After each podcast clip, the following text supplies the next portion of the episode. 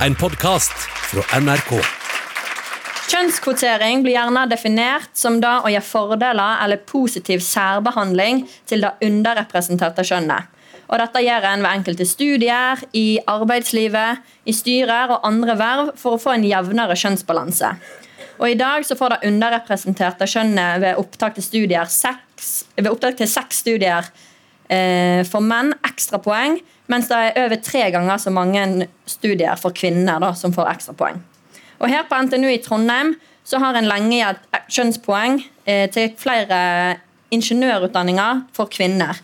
Og Enkelte peker på at kjønnskvotering er med på å spesielt øke kvinneandelen og utjevne kjønnsforskjeller i arbeidslivet.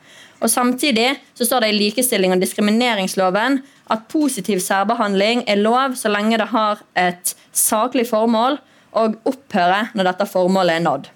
Er kjønnskvotering med på å gjøre alle like for loven? Har det alltid hatt et positivt, et saklig formål? Og er det nødvendig for å få til likestilling? Eller tar en muligheten vekk fra den beste kandidaten pga. kjønnet deres? Og til slutt har en glemt guttene oppi alt dette. Med oss for å diskutere dette så har vi Lars Kolbenstveit, filosof og rådgiver i Civita, og Nina Sandberg fra Arbeiderpartiet i utdanning- og forskningskomiteen. Og Mitt navn er Sunniva Skurtveit, og jeg vil lede dere gjennom debatten her fra Studentersamfunnet i Trondheim. Og Da vil jeg først begynne med å stille dere tre spørsmål der jeg vil at dere skal svare kort. Um, så Lars eh, Kolbenstveit, skal en kvotere inn flere menn på psykologistudiet? Ja, kanskje. Men uh, ja, uh, fordi at psykologiyrket er kanskje litt spesielt, fordi at tredjepart, altså de som trenger psykolog, kan ha en interesse av kjønnet til psykologen. Så særlig på psykologistudiet så kan det kanskje være noen argumenter for. Mm. Og Nina Sandberg, hva mener du? Jeg mener helt kort ja, det bør man. Fordi det er en veldig mangel på mannlige psykologer i Norge. Og eh, brukerne trenger mannlige psykologer også, så vi må kunne utdanne begge kjønn. Mm. Og så lurer jeg på om en skal kvotere inn kvinner i toppstillinger. Nina, hva mener du der? Eh, jeg mener at man skal kvotere kvinner inn i styreverv, sånn som man gjør per i dag. Eh, men det spørs hva du mener med å kvotere kvinner inn i toppstillinger. Mm -hmm. Da går vi videre til deg, Lars. Hva mener du der? Jeg syns det siste der er mer problematisk. og eh, Man har jo gjort det lenge, men det har jo ikke hatt noen sånn effekt utover at det har ført til 40% kvinneandel i ASA-styrer, men det sier seg på en måte sjøl. Altså, hvis man vedtar at alle busser skal være grønne, så blir det grønne, men det betyr ikke at eh, vedtaket har hatt en effekt utover. og Det viser jo forskning at det ikke har hatt, så det er jeg litt mer skeptisk til. Mm -hmm. Og så til slutt, jeg lurer på om en trenger kvotering for å oppnå likestilling? Nina? Ja, helt klart. Per i dag gjør man det, men ikke på sikt, kanskje. Mm -hmm. Lars? Jeg mener primært at man ikke trenger det, men jeg er ikke absolutt motstander av det, som nevnt med psykologi. Altså, det finnes unntak der det kan være formålstjenlig, men man må være veldig forsiktig med å bruke det som virkemiddel. Mm -hmm. eh, og da vil jeg gå over fra på å stille dere litt spørsmål om utdanning. Og Nina, Hva positive sider er det med kjønnskvotering på studier? Nei, det er jo Formålet med kjønnskvotering per i dag er jo at man får inn det underrepresenterte kjønnet. Og Da er det jo av hensyn til den, det, det yrket de skal ut i. Det, og det er ikke bare um, psykologi som er sånn type kjønnssensitivt. Det er også mange andre yrker der man trenger en jevnere balanse mellom kvinner og menn. Mm. Uh, og Et eksempel er f.eks. helsesykepleiere, det som tidligere ble kalt helsesøstre og helsebrødre. Da vet vi at unge menn eh, vegrer seg i større grad for å oppsøke en helsesykepleier. Eh, jeg tror det kan ha god effekt også å utdanne flere menn. Og vi har et økende problem med at menn tar selvmord, f.eks. Så eh, helt, helt, klart at samfunnet trenger en jevnere kjønnsbalanse innenfor enkelte yrker. Og at det ikke bare er psykologi. Mm.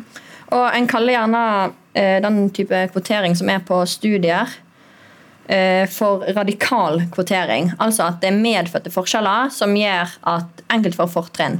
Eh, og hva kan være problematisk med dette, Lars?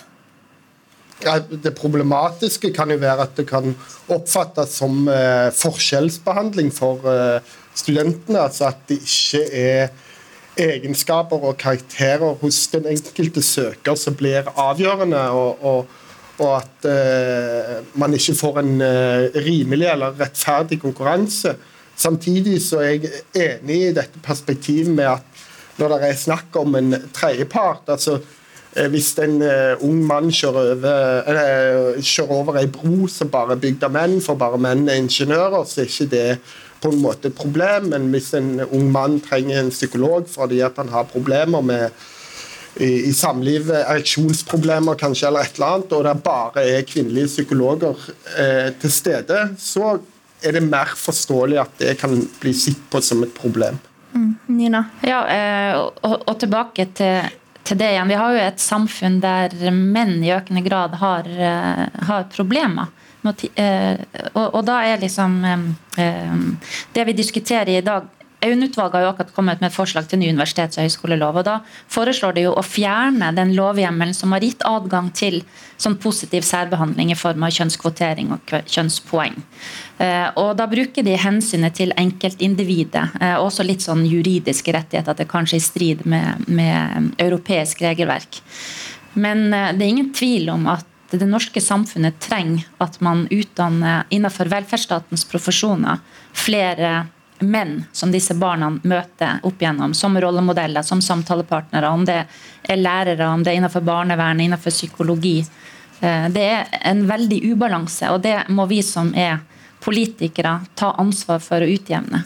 Hensynet til enkeltindividets karakterkonkurranse er ikke det eneste, selv om det er selvsagt et, at merittering er veldig viktig innenfor utdanningssystemet, så skal vi også ivareta andre hensyn. Mm. Og da er, er det da enkelte utdanninger det viktigere å kvotere inn det underrepresenterte kjønnet da, enn andre. Hva tenker du her, Lars? Ja, Som jeg var, eh, nevnte i stad, så mener jeg at det kan være argumenter for at det er viktigere der den utdanningsprofesjonen på en måte har en sånn nær menneskelig kontakt med, med med befolkningen, og, vi har en omfattende velferdsstat som skal levere tjenester til innbyggerne, og det er skattefinansiert osv. Det i seg selv kan være et argument for at man sørger for en for en eh, viss kjønnsbalanse, mens eh, sånne argumenter som går på at innenfor profesjonen så er det bra med en kjønnsbalanse, at det er viktig med mangfold og diversitet innenfor en profesjon, i seg sjøl, det syns jeg er et dårligere argument. Altså hvis eh, det er sånn at eh, konkurransen fører til at veldig mange kvinner går på, på, på noen yrker, og mange, veldig mange menn går på andre yrker, så, så, er, så, må man på en måte bevise da, at innenfor arbeidslivet så, så gir det så fører det til ineffektivitet. Det er det jo veldig mange, særlig innenfor næringsorganisasjoner, f.eks. en uh, organisasjon som uh, organiserer siviløkonomer, Ekona, de kjører jo veldig på dette her at uh, man må satse på kvinner innenfor næringslivet, at det gir bedre lønnsomhet. Men fra mitt ståsted så syns jeg det er litt sånn merkelig måte å tenke på. for det Hvis det er sånn at næringslivet tjener så mye på å ansette lærende kvinner, og at det er et konkurransefortrinn med mangfold, så tror jeg at næringslivet vil eh, fremskynde det sjøl. Altså, hvis finansnæringen taper hvis det er ikke nok kvinner på sikt, så vil dette løse seg av seg sjøl. Hva tenker du her, eh, Nina? Eh, nei, altså Når det er så få kvinner som det er i toppledelsen av eh, liksom børsnoterte selskaper, så er det jo ikke sånn at det løser seg av seg sjøl. Eh, men det er heller ikke sånn at den styrekvoteringa har bidratt til å få flere toppledere. Men hvis vi skal gå tilbake til det vi diskuterer, nemlig kjønnskvotering og kjønnspoeng på studier, mm. så er det jo eh, forbeholdt eh, i dag studier der det ene kjønnet er veldig tungt underrepresentert. Det er det som er kriteriet. Og det er det Stortinget også sa at når vi behandla likestillingsmeldinga sist, at det skal være adgang til å kunne bruke disse virkemidlene hvis det er eh, veldig sterk kjønnsbalanse, sånn 80-20 f.eks. Ja, det har vi sett på som kritisk. Ja, ja nettopp. Eh, så, eh, men så har jeg lyst til å si at eh, det er jo ikke sånn at karakterer i seg sjøl nødvendigvis alltid er det beste opptakskriteriet heller. Så hvis man skal ta et annet eksempel, medisin i Oslo. Der har man jo søkt om å få lov til å bruke et bredere sett av opptakskriterier, fordi de nettopp har sett at du får ikke nødvendigvis de aller mest motiverte studentene som har best gjennomføring, gjennom å kun fokusere på karaktersnittet. Så Det kan jo være en, en, et signal om at det kan være verdt å vurdere bredere opptakskriterier enn man uh, gjør per i dag.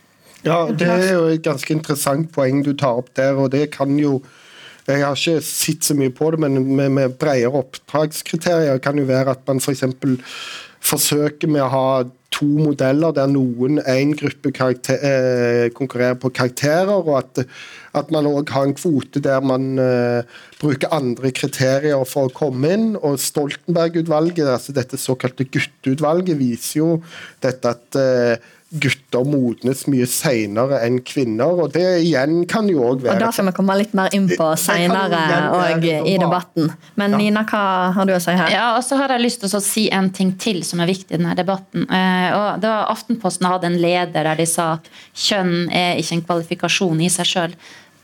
Men på enkelte, liksom, i enkelte yrker så er det jo faktisk det. Sånn som f.eks. psykologi. Men er det, det et like saklig formål å eh, kvotere inn jenter på ingeniørstudiene som nødvendigvis ikke har direkte eh, personkontakt som en psykolog. Da.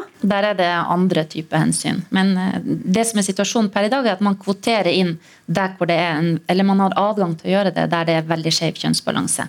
Og så Det andre poenget jeg hadde lyst til å si, det er jo at eh, de studiene som f.eks. når det gjaldt psykologi, de lærestedene som søkte om å få benytte seg av kjønnspoeng, eller kvotering i første omgang, så ble det kjønnspoeng, de gjorde det jo nettopp fordi de hadde prøvd mange andre ting mm, men hva, og ikke lyktes fullt ut. Så, eh, formål er det som er saklige da på eh, ingeniørstudiene, når en eh, argumentere for at eh, enkelte ønsker kanskje en mannlig eller en kvinnelig psykolog, da, men eh, ønsker enkelte en mannlig eller en kvinnelig det ingeniør. Bak, det som lå bak Stortinget sin intensjon den gangen, var jo at de ser at utdanningssystemet eh, og arbeidsmarkedet de korresponderer. Og vi har et veldig kjønnssegregert eh, utdanningsmarked. Så at det skal sånne type eh, mekanismer til for å jevne ut en veldig ujevnhet i utdanningssystemet som spiller over på arbeidsmarkedet. Så selv om jenter har gjort det veldig bra innenfor høy utdanning og har høyere karakterer, og sånn, så er det også fortsatt sånn at man velger veldig kjønnstradisjonelt. Så man er nødt til å bruke noen type virkemidler for å mm. jevne det ut. Ja, men, men, jeg tror det er òg en del sånn viktig å holde tenke litt eh, på, på, dette at eh, hvis man på en måte legger til grunn at enhver ubalanse som er sterkere enn 60-40, så må det være noe strukturelt problematisk som igjen legitimerer politikk og, og regulering osv. At en sånn tanke kan eh, være eh, ganske problematisk. For det at hvis det er en skjønnsforskjell på 70-30 eller 80-20, så er det ikke nødvendigvis sånn at man har et strukturproblem. Og det poenget jeg dro i stad om at eh, hvis det er sånn, altså hvis det er sånn at næringslivet taper på å ansette kvinner, så tror jeg at det løser seg av seg sjøl. Men hvis det er bare det at man misliker at det er eh, for få kvinner i, høyt opp i næringslivet, men det er ikke noen eh, eh, noen eh, evidens eller noe bevis for at det ikke er lønnsomt, så vil det selvfølgelig ta lang tid å, mm. å endre det. Ja, Men uh, Nina, er det et problem at folk velger eh, kjønnstradisjonelt? Og skal en på en måte alltid strebe etter den 50-50-balansen? Det er et problem i den grad at uh, kjønnsroller liksom snevrer inn de handlingsmulighetene du ser for deg sjøl. Du får ikke det beste ut av en befolkning hvis at man systematisk liksom bare velger innenfor sånn, et snevert spekter av handlingsvalg. Da. Eh, og jeg var jo utdanningsforsker tidligere.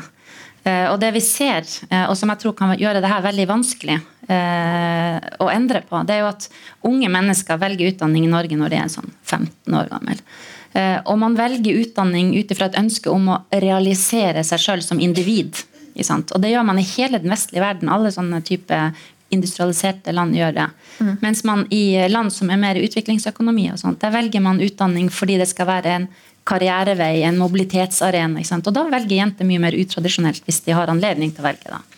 Så, så vi lever innenfor en kultur som former ungdommens utdanningsvalg. Og den kulturen endres ikke av seg sjøl. Der må man forsøke å jobbe strukturelt, og det er veldig veldig vanskelig.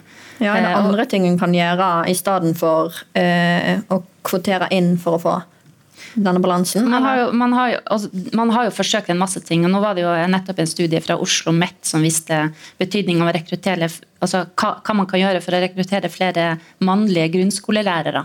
Uh, og Da går de jo allerede altså helt ned i barnehagenivå og ser at kjønnsstereotypier dannes veldig tidlig. Og Dette er en del av kulturen som man jevnlig må jobbe mot.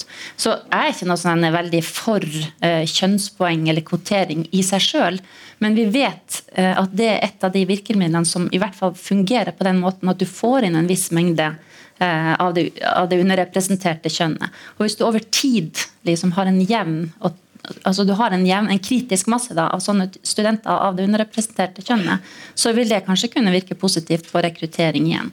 Så, så det er ett av veldig mange en, tiltak. Kommentar? Ja, jeg, jeg, kan være enig i dette med at kulturen på, på, på sett og vis kan eh, reprodusere kjønnsforskjeller, og at eh, det er noe som ligger i kulturen som gjør at eh, sånn kjønnsstereotypiske holdninger kommer ganske tidlig. altså den Boka til Helene Uri, 'Hvem sa hva', illustrerer jo f.eks. det er ganske godt. Men samtidig så tror jeg det er viktig at hvis man skal bryte med denne kulturen, så må man òg, særlig til unge mennesker, eh, forklare at, at, livet på en måte ikke er friksjonsfritt. altså Hvis man tar utradisjonelle valg, så kan man få kritiske spørsmål, man kan få skeive blikk fra ei gammel tante på Karmøy osv. Men det er ikke nødvendigvis et så stort problem. Altså, uh, Isabel Ringnes skriver i sin bok om, uh, om hvem spanderer, om, om hvor forferdelig det var å bli bedt om å hente kaffe på sitt første møte på jobb, og, og lage det til en fortelling om at det skyldes at hun var kvinne osv. Da mener jeg at man blir for hårsår. Altså, Nina, hadde du òg en eh, kommentar til dette? Hvis man får et teit spørsmål, så gi F og gå videre, liksom. Ja. ja. altså Selvsagt så er det et individuelt ansvar. Jeg sier alltid til jenter eh, som lurer på om de skal ta politiske verv, bare gjør det. Ikke vær redd. Ikke liksom underkommunisert. Ikke si til deg sjøl at du ikke duger. For at Gutta er veldig gode til å bare kaste seg ut i det. Det kan du trygt gjøre sjøl også. Sissel Rønbeck har fortalt en historie om da hun eh, vurderte valgte å stille som kandidat til AUF-leder. Så tenkte hun torde ikke. Eh, og Så satt hun på kvelden og så hørte hun hvordan guttene i AUF satt og fordelte vervene seg imellom. Så tenkte hun fader heller. Og så stilte hun og ble valgt. Så det er selvsagt et individuelt ansvar, men eh, man skal heller ikke underkommunisere eh, når Lars sier at det ikke er et så stort problem. Man skal ikke underkommunisere at det å komme inn i et studentmiljø som er veldig dominert av det ene eller andre kjønnet, kan i seg selv være en belastning. Og Vi ser jo det at mannlige eh, psykologstudenter eh, slutter i større grad enn jenter og det kan ha å gjøre med at det er så veldig skjevt. Sånn. Da jeg var utdanningsforsker, studerte Jeg tror vi må bevege oss over til uh, Det har mye å si med læringsmiljøet, og jeg tror fagene blir bedre av en jevnere kjønnsbalanse også. Ja. Um, og da vil jeg ta oss over til å snakke litt om uh, arbeid. Uh, og kan det bli et statusproblem dersom noen er kvotert inn til en stilling, hvis f.eks. kollegaer og andre mener at en ikke er den beste kandidaten? da?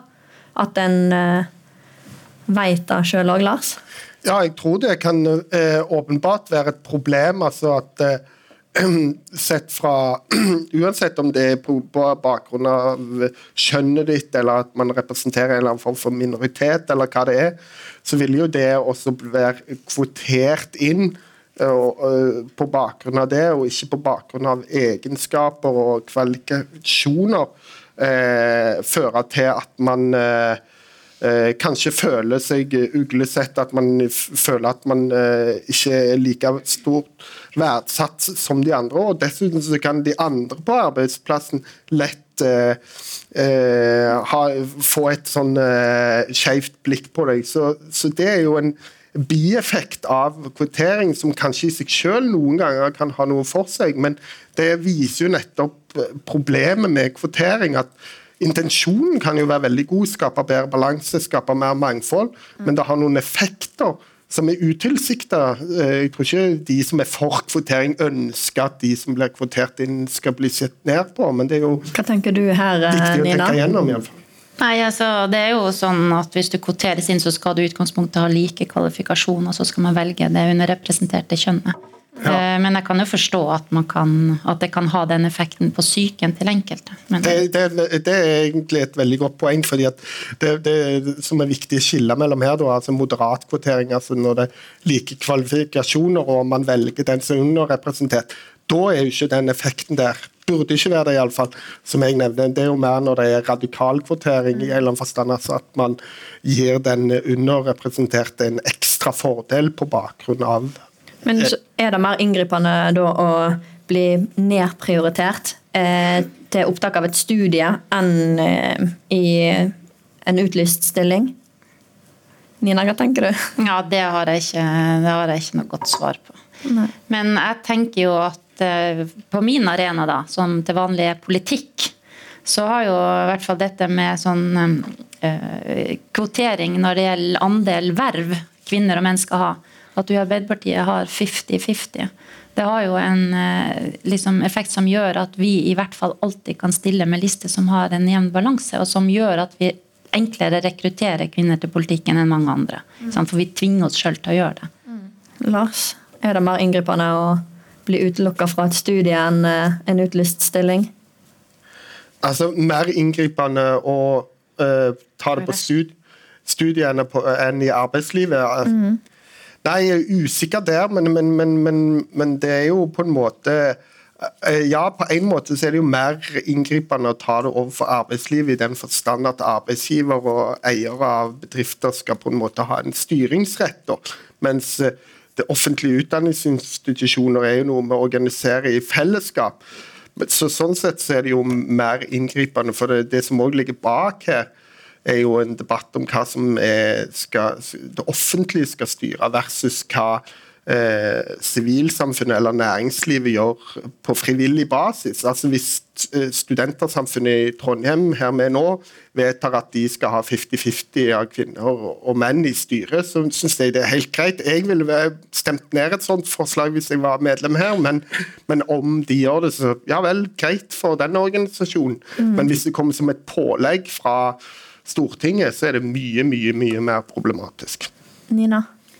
Ja, eh, altså inngripende. Jeg, jeg tenker jo at eh, folk klarer å forholde seg til sånne regler hvis det er kommunisert godt i forkant, og at det, at det er velbegrunna. Jeg tror de, de fleste ser at det er behov for flere altså Når du er ute og reiser, f.eks. Nå er det jo få som reiser pga. koronavirus, men ellers det er jo nesten bare menn i dress som jeg møter på flyplassene. og sånt. Er jo, næringslivet er jo veldig topptungt. Og det er jo ikke sånn at kvinner har dårligere kvalifikasjoner enn menn. Så vi har en veldig høyt utdanna kvinnelig befolkning. Så det er jo sånn at man bruker ikke de beste talentene. Og tilbake til min posisjon. da. Den gangen jeg var ordfører, da var, da var en, altså sånn 20 av, av, av ordførerne er kvinner, og resten er menn. Vi så det vi samla foran Stortinget i 2014, skulle feire grunnlovsjubileet. En sånn tynn liten stripa dame i bunad, og resten massive menn i grå dresser. Det er jo noe veldig rart med det. sant? Talentene er jo ikke sånn fordelt i befolkninga at det er bare 20% kvinner som passer til å være ordførere.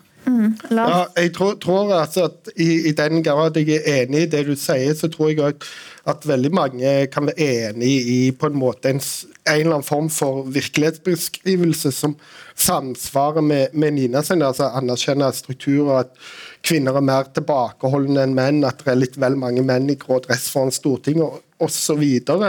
Det viser jo at, man, at det kan være viktig å være litt obs på at når man inviterer folk til debatt, eller inviterer folk til å til, til, eller etterlyser folk til en stilling, så må man være obs på at kvinner, og oftere enn menn, har en mye høyere terskel med å søke eller stikke hodet fram.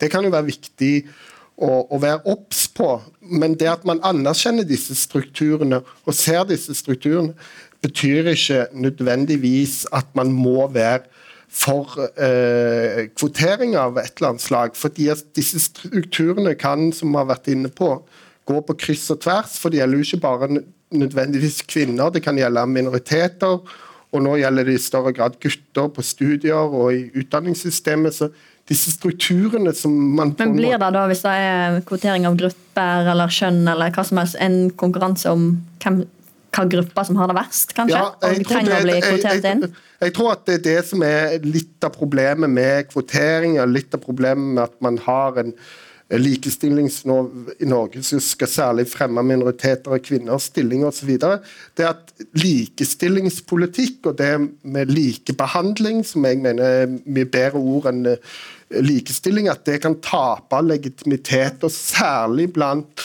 kanskje eh, unge menn som ikke føler at de lykkes. Altså Unge menn i dag er jo overrepresentert på kriminalitetsstatistikk, på selvmord, som du var inne på her eh, osv. osv.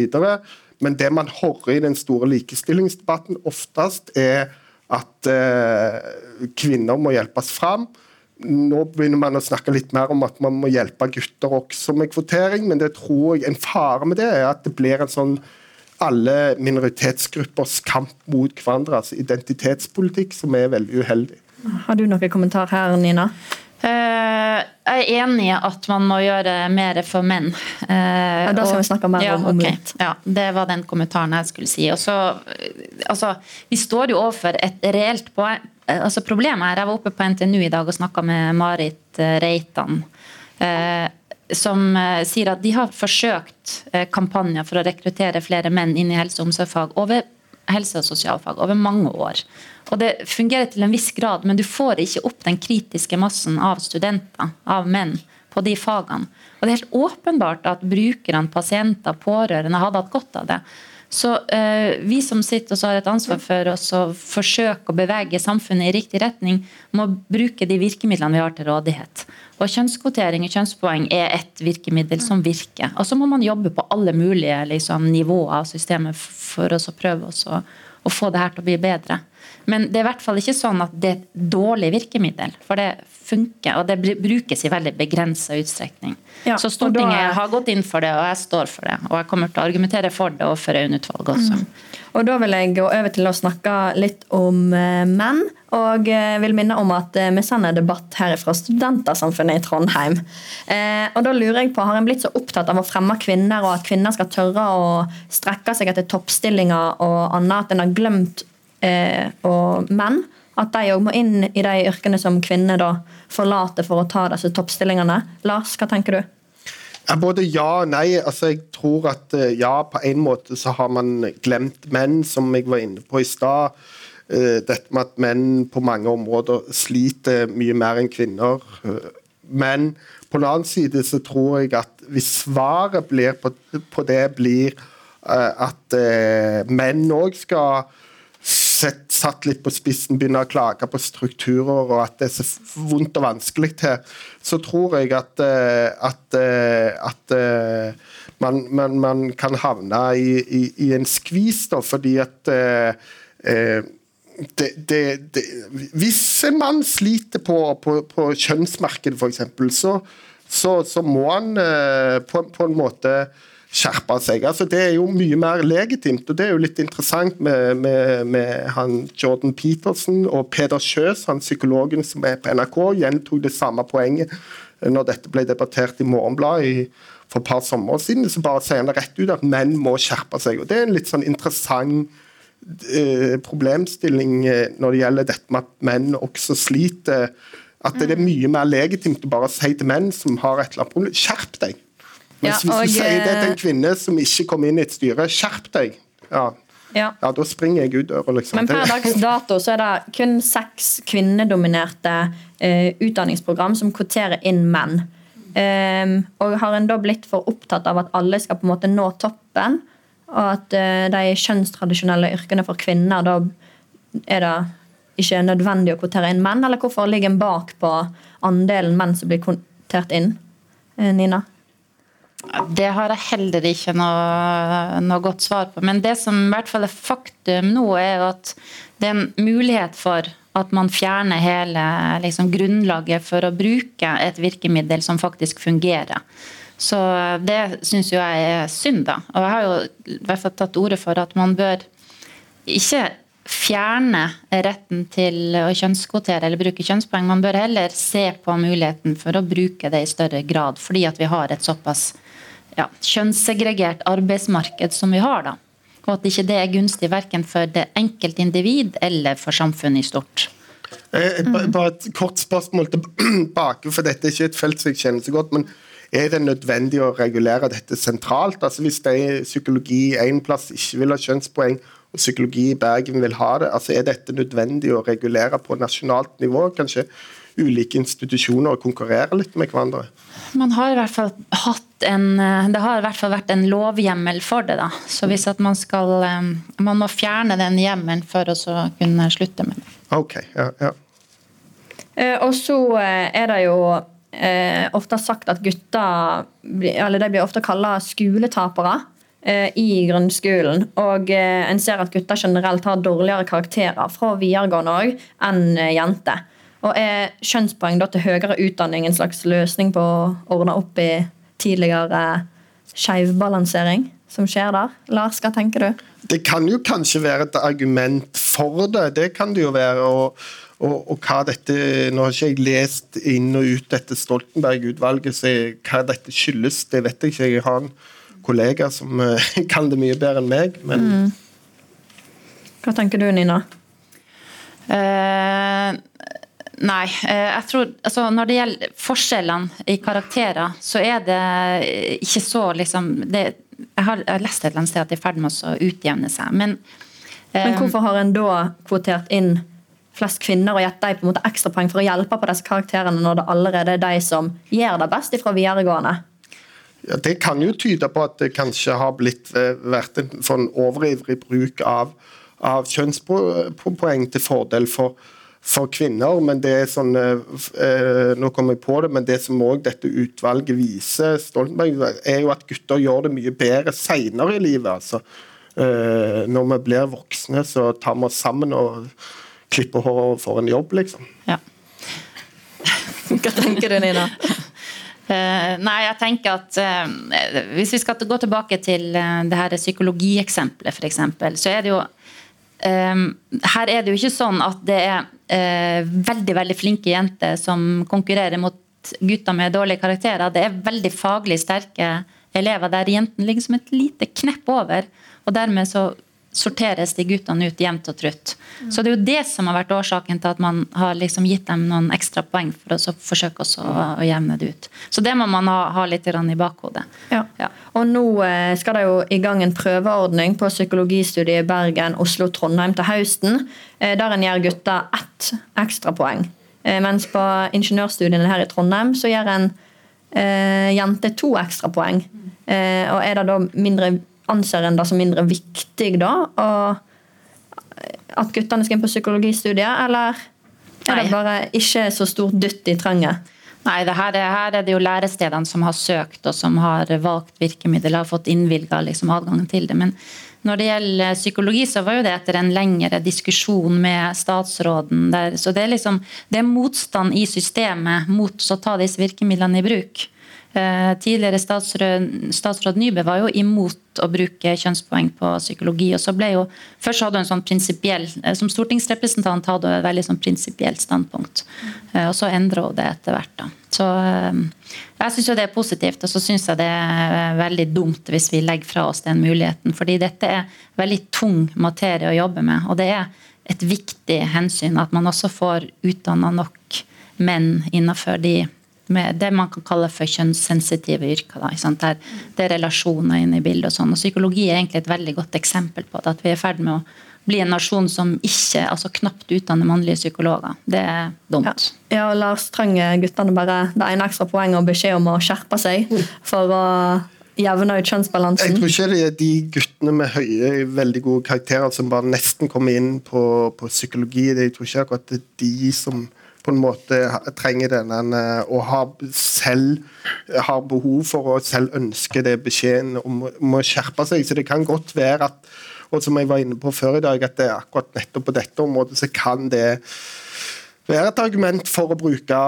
kjønnspoeng for, eller, eller en, en, eller annen form for mekanisme for å sørge for en bedre, eh, bedre balanse ut på andre sida. Altså at vi ender opp med flere eh, mannlige psykologer enn det man eh, gjør per dags dato. Nina? Ja, sånn, Arbeiderpartiet har jo sett at menn har eh, likestillingsutfordringer, at menn har store utfordringer i våre samfunn.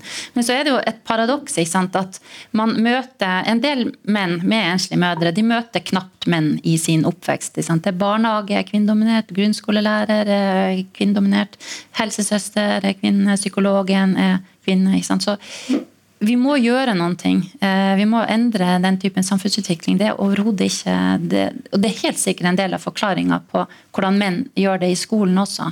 Eh, det er vanskelig å identifisere det i, i altså se på kjønnet til læreren for å se på prestasjon og sånt, men jeg er helt åpenbar, eller jeg er helt sikker på at det har noe å si for hvordan gutter vurderes i skolen. Og du ser jo også Hvis de har blindtester, så gjør jo gutta det når man ikke vet eh, hvem det er som har tatt, så gjør de det bedre enn når, når læreren sitter og vurderer. Så, så kjønn har noe å si på resultatene, er det noe forskning som tyder på. Ja, men, Ja. Og så er det, Og det jo er jo ikke bra.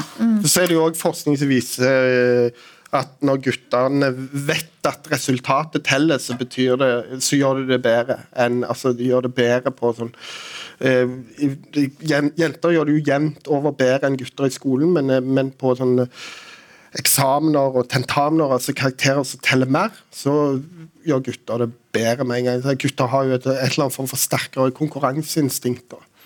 som de kanskje igjen tjener på når de kommer videre i, i arbeidslivet osv. Ja, og da vil jeg over og snakke litt om eh, forskjeller. Og eh, I grunnlovsparagraf 98 så står det at alle er lik for loven. Eh, og at det ikke skal være noen mennesker som må utlates for eller utsettes for usaklig eller urimelig forskjellsbehandling av andre. Men gir kjønnskvotering og fordeler da, til det ene kjønnet, denne radikale kvoteringa som er i utdanning, alle like for loven? Nina? Ja, altså den positive særbehandlinga som man kaller det eh, når man eh, kjønnskvoterer, den er jo vurdert ut ifra en sånn type eh, altså at, det, det, at det, det er sånn nødvendighetsbetraktning. Jeg tror du har skrevet noe om det, så du kan sikkert formulere det mye bedre enn meg. Men det er ikke grunnlovsstrid, i hvert fall. Og det er jo fordi at man ser at det er ja, Du kan formulere det, du er helt sikker på at du kan det bedre. Nei, jeg synes heller ikke, jeg er enig med deg. Det er ikke grunnlovsstridig. Og, men, men det er jo hvor, hvor mer radikalt tiltaket er, hvor mer prinsipielt problematisk er det. Men jeg som mann føler ikke at det at jeg ikke har selvstendig opptjeningsrett til permisjons, eller at det står i likestillingsloven at den skal særlig fremme kvinners stilling, f.eks. så står det i en sånn fotnote osv. Altså at det er på en måte eh, grunnlovsstridig, men hvor mer radikal en eh, regulering på dette området blir, og hvor mer inngripende han blir, hvor mer problematisk vil det jo være opp mot eh, paragraf 98, var det du sa? Men eh, kan det oppleves, eh, kjønnskvotering kan det oppleves som urimelig? Ja, det, gjør, det vet jeg jo at det gjør. Selvsagt kan det oppleves som urimelig, og det forstår jeg. Ja, jeg tror, jeg tror nok at oppfatningen der ute er nok at eh, selv om eh, jeg rent personlig ikke oppfatter det som problematisk, så tror jeg oppfatningen der ute blant folk, blant eh, fedre som kanskje ikke føler at de blir hørt i barnefordelingssaker, og kanskje opplever at de eh, eh, blir forskjellsbehandla i en eller annen stilling på, eller på et eller annet studie eller et eller annet. At der der ute da, så kan legitimiteten til likestillingspolitikken og legitimiteten til at man som land ønsker å fremstå som eh, et eh, eh, demokrati med en rettsstat der det er likhet for loven, at det, det, det kan havne i trøbbel da, hvis man, hvis man ikke tar, er mer- nok påpasselig med å huske på at ideen om likeverd og likestilling trenger bred legitimitet. så Dermed så synes jeg det er et paradoks at vi med tidenes mest liberale regjering, når Frp var der på en måte Frp er jo ikke bare nasjonalkonservative, de er jo òg liberalister. At de ikke klarte å gjøre likestillingsloven mer kjønnsnøytral. Men de, de våger ikke, litt pga. at sentrumspartiene er mer radikale. Nina, har du kommentar her? Eh, Ja, Vi snakka litt om det før, før vi gikk inn i debatten. og så Personlig så, så tror jeg kanskje at eh, likestillingsloven på eh, og diskrimineringsloven på sikt kan At man kanskje fjerner den. Det tror jeg kanskje tida vil virke. For at um, vi ser jo som sagt at menn har store likestillingsutfordringer. Men jeg tenkte også å si at Folk kan nok oppfatte kjønnskvotering som urettferdig for enkeltindivider, men jeg tror også man eh, ser at et ensidig rettighetsfokus når man kjører det ut i sin ytterste konsekvens, kan få veldig uheldige konsekvenser. Da. Så jeg tror de aller fleste skjønner at vi trenger mannlige helsesykepleiere, at vi trenger mannlige psykologer, at man trenger mannlige barnehagelærere og grunnskolelærere. Og sånt, og at man er nødt til å ta i bruk eh, virkemidler for å oppnå det, fordi det ikke skjer av seg sjøl. Ja, og det tror Jeg jeg jobber jo i en tenketank, og du er mer som eh, politiker. Overflatisk. Nei, jeg sier ikke overflatisk. Du er mer, det jeg ville si var mer at eh, politikere er jo mer på disse spørsmålene og jobber mer konkret med det, eller de som driver, eh, jobber i arbeidslivet eller de som driver i utdanningsinstitusjoner, er jo mer på. og De ser jo hvordan disse liksom liberale prinsippene om at alt skal likebehandles osv. Hvordan virker det nede på bakken, da, altså stemmekartet med terrenget. Og der kan det jo fort, ser man jo fort at uh, kartet stemmer ikke med terrenget. Ergo så må man bruke kvotering, er, fort argumentet. Men da vil jeg fra et mer sånn prinsipielt ståsted si, si at ja, det finnes argumenter for det, men vær forsiktig, og, og, og, fordi det kan ha utilsikta konsekvenser. Ja, og så blir det gjerne sagt at det helst skal være tilnærmet 50-50 kjønnsbalanse i hver regjering. Men hadde en vært like opptatt av det eh, hvis det kun hadde vært kvinner som satt i regjering eh, den gangen dette ble sagt? Det var vel ved Brundtland. Det håper jeg, da. Eller ja, man bør jo man bør jo det. Ja. Hvis, altså, hvis, vi får en regjering med bare kvinner, så bør man jo kanskje reagere på det. Men eh, på den annen side, så hvorfor er det bare dette med, med, med, med representasjon av begge kjønn og geografi osv. som skal være eh, så viktig? Altså, eh, nå fikk vi nok en fiskeriminister fra Nord-Norge. Han måtte gå av etter en måned. Kanskje det som en kollega meg skrev, kanskje det er på tide med en fiskeriminister fra Innlandet. Altså, dette med at Man er så opptatt av eh, geografi, kjønn osv. Representasjon istedenfor å tenke kun kvalitet. Sant? Kanskje det er det Norge trenger, en regjering der statsrådene kun er satt sammen på å få de beste, de som kan fagfeltet best, sånn at vi kan få landet på rett kjøl. Sier jeg fra Civita. Har du noen kommentarer her, Nina? Eh, altså, Bred representasjon er jo eh, viktig av mange årsaker. Eh, og en ting som jeg er helt sikker på, det er at hvis du får satt sammen lederteam eller kollegier av folk med ulike bakgrunner, så, så treffer du også bedre beslutninger. ikke sant? Hvis du har en veldig snever rekrutteringsbase, så blir du dårligere som kollegium. Det er i hvert fall en erfaring som jeg har med meg. Og så er det jo i seg sjøl viktig at man rekrutterer bredt. Norske politikere er jo altfor smalt rekruttert. Sant? Det er jo bare høyt utdanna folk, nesten. Så det er noe som vi strever med alle sammen. Men du skal ha inn en viss Du skal være representativ for folket i politikken, i hvert fall. Mm. Mm. Ja, men det, det at det er, vi, vi, har en bred rekruttering, er jeg jo helt enig i. Og, og da, da, kan kjønn ha noe å si, men poenget må jo da være at man får et blikk utenfra. At det er noen som øh, øh, og, og, som er faglig kompetente og som kan ta et, eh, et, felt utenfra. og Da kan jo kanskje det vi kan, da, siden dette er en kjønnskvoteringsdebatt, så kan jo kjønn ha noe å si i noen tilfeller. Mm. Eh, og da vil jeg eh, gå litt over til å snakke om Forsvaret. Mm. For De siste årene så har en hatt en målsetting om å øke andelen kvinner i Forsvaret til 30% Men er en egentlig tjent med å kvotere inn kvinner i Forsvaret? Nina? Eh, vi mener jo at man skal ha kvinner i Forsvaret fordi at eh, de kan gjøre en god innsats på linje med menn. Mm. Så det tror jeg absolutt at også eh, ja, at Forsvaret er tjent med å utnytte liksom de talentene som finnes i folket. Mm. Ja. Lars? Ja, der finnes det jo delte meninger. Altså, eh, men, men det, det, det, beste jeg har lest om det, er jo nettopp det at kvinner i Forsvaret kan bidra til kvalitetsheving med at du får en eh, sterkere eh, mangfold, bredere rekrutteringsbase, som blir sagt til. Men fra israelsk forskning på, på forsvar så er, det, så er det noen tegn som, der man mener at det går i motsatt retning. Men det er jo mer operativt forsvar og, og, og, og krigshandlinger. Så det, der, det, med at det er kvinner til stede, gjør, gjør det sett fra et sånn militærfaglig perspektiv mindre effektivt. Men den, den forskningen kjenner jeg ikke til. Men er, jeg, jeg, vet bare at det er motstridende holdninger her. Ja, Nå er vi jo helt på sidelinja av det som jeg til vanlig diskuterer, men jeg vil jo også tro at det er positivt hvis du rekrutterer bredt for forsvarsviljen i befolkningen. ikke sant? Ja, som igjen er viktig for operativ evne. Så vi får nå la den israelske forskninga virke, og så får vi heller se hvordan det går i Norge. Da. Ja, og da blir det vel gjerne i Forsvaret da, kritisert for at eh, for å få høyere stillinger, så må en ha vært gjennom disse og disse en liste med forskjellige stillinger da, i militæret, men at når en har begynt med denne kvoteringa av kvinner, så trenger de bare én av de, disse kravene de ellers har stilt da, tidligere, for å få opp til denne 30 prosenten, andelen kvinner. da. Um, og Øker det da kvaliteten, eller bare kjønnsbalansen?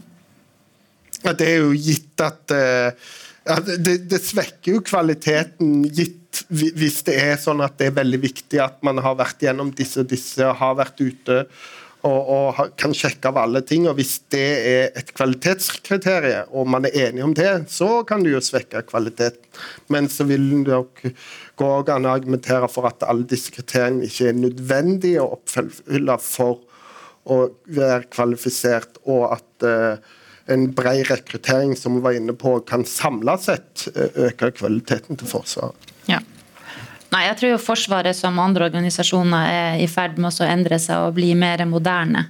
Uh, og at uh, er helt på bar bakke her, men at den typen liksom, seleksjonsmekanismer og, og barrierer, har, eller måter å klatre hierarkiet på tidligere, er antageligvis i endring. da, sånn at ja, Mm. Ja, bare for å ta en sånn personlig ting. Jeg, når jeg var i Forsvaret, så var det nesten ingen kvinner. Jeg, jeg, jeg, men jeg er skuddredd, så jeg var jo livredd på skytebanen. Men det var ikke en kjeft, det var ikke ett befal der som kunne håndtere meg på en ok måte. Jeg ble jo bare latterliggjort, liksom. Kanskje noen kvinner med litt mer omsorg, nå holdt seg tradisjonelle ut, kunne lært meg å skyte, sånn at jeg ble en ordentlig soldat. Men Jeg har vært halvannet år i Forsvaret, men hvis jeg får et gevær, så jeg, jeg kan ikke håndtere det, for jeg er skuddredd. Men bra at jenter som vil inn i Forsvaret, har anledning til å bidra med å forsvare landet, syns jeg. Så, mm. ja. Men Er dette et eh, generelt problem med kjønnskvotering som gjerne Forsvaret blir kritisert for? At en blir for opptatt av at en må kvotere inn og ha denne balansen? At da spillet At en indirekte da eh, velger da motsatte kjønn om det er lik Eller det underrepresenterte kjønnet, da, om det er lik kompetanse eller ikke?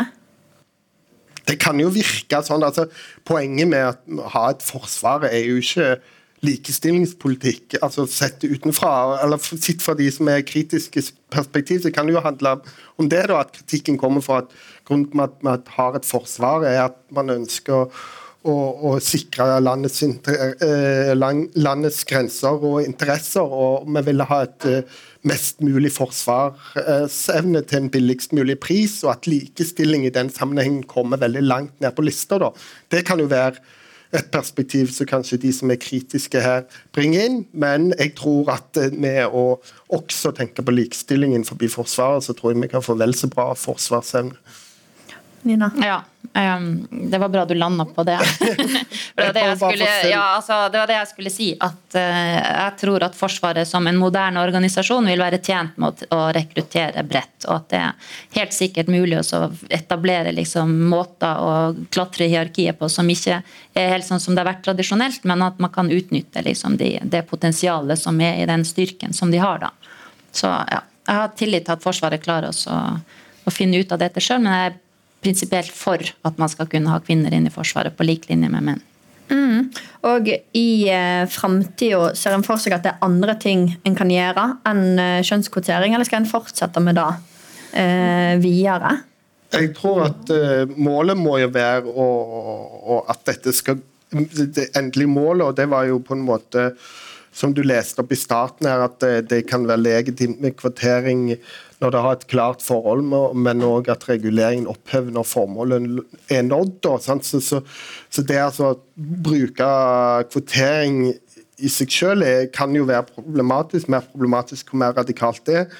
Men målet må jo være å, å, å at dette på en måte ikke skal være øh, nødvendig. Men jeg tror at øh, hvis man skal lykkes med dette på sikt, så tror jeg at selve dette Og det gjelder egentlig alle, for, for begge kjønn, eller alle kjønn, som det vel egentlig heter i dag, og for, for alle grupper, at dette strukturargumentet hvis det blir for dominerende, hvis det blir for mye gruppeidentitet og for mye identitetspolitikk, og det individuelle ansvaret for, og det individuelle frie valget havner i bakgrunnen, så tror jeg vi kommer til å slite med dette her vel så mye som vi gjør i dag om 10-20 år.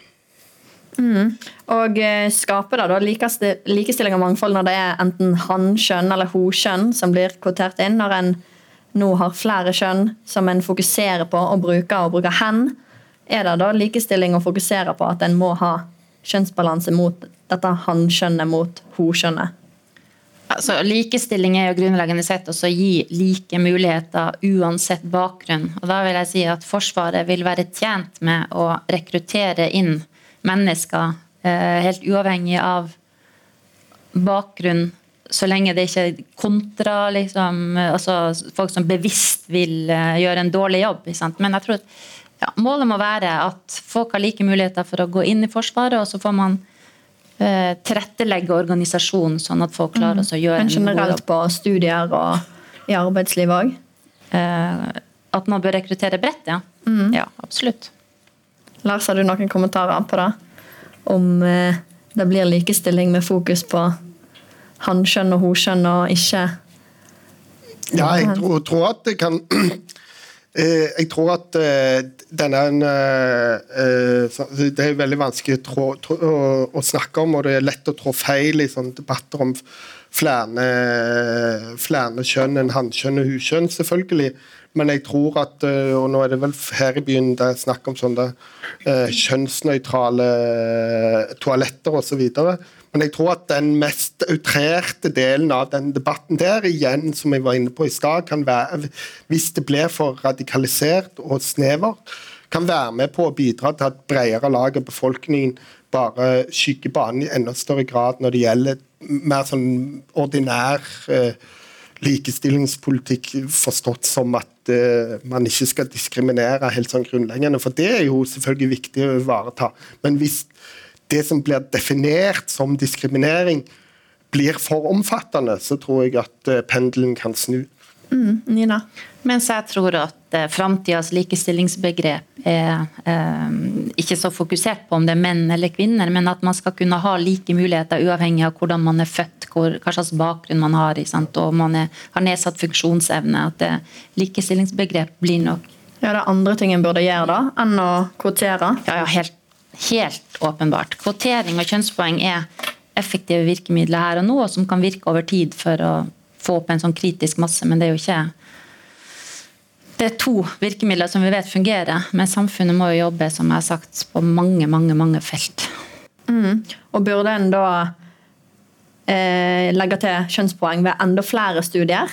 At det skal være nesten på alle der en ønsker flere menn, der en ønsker flere kvinner? Legge det til på hvert studie? Lars? Nei, jeg tror jeg ikke det.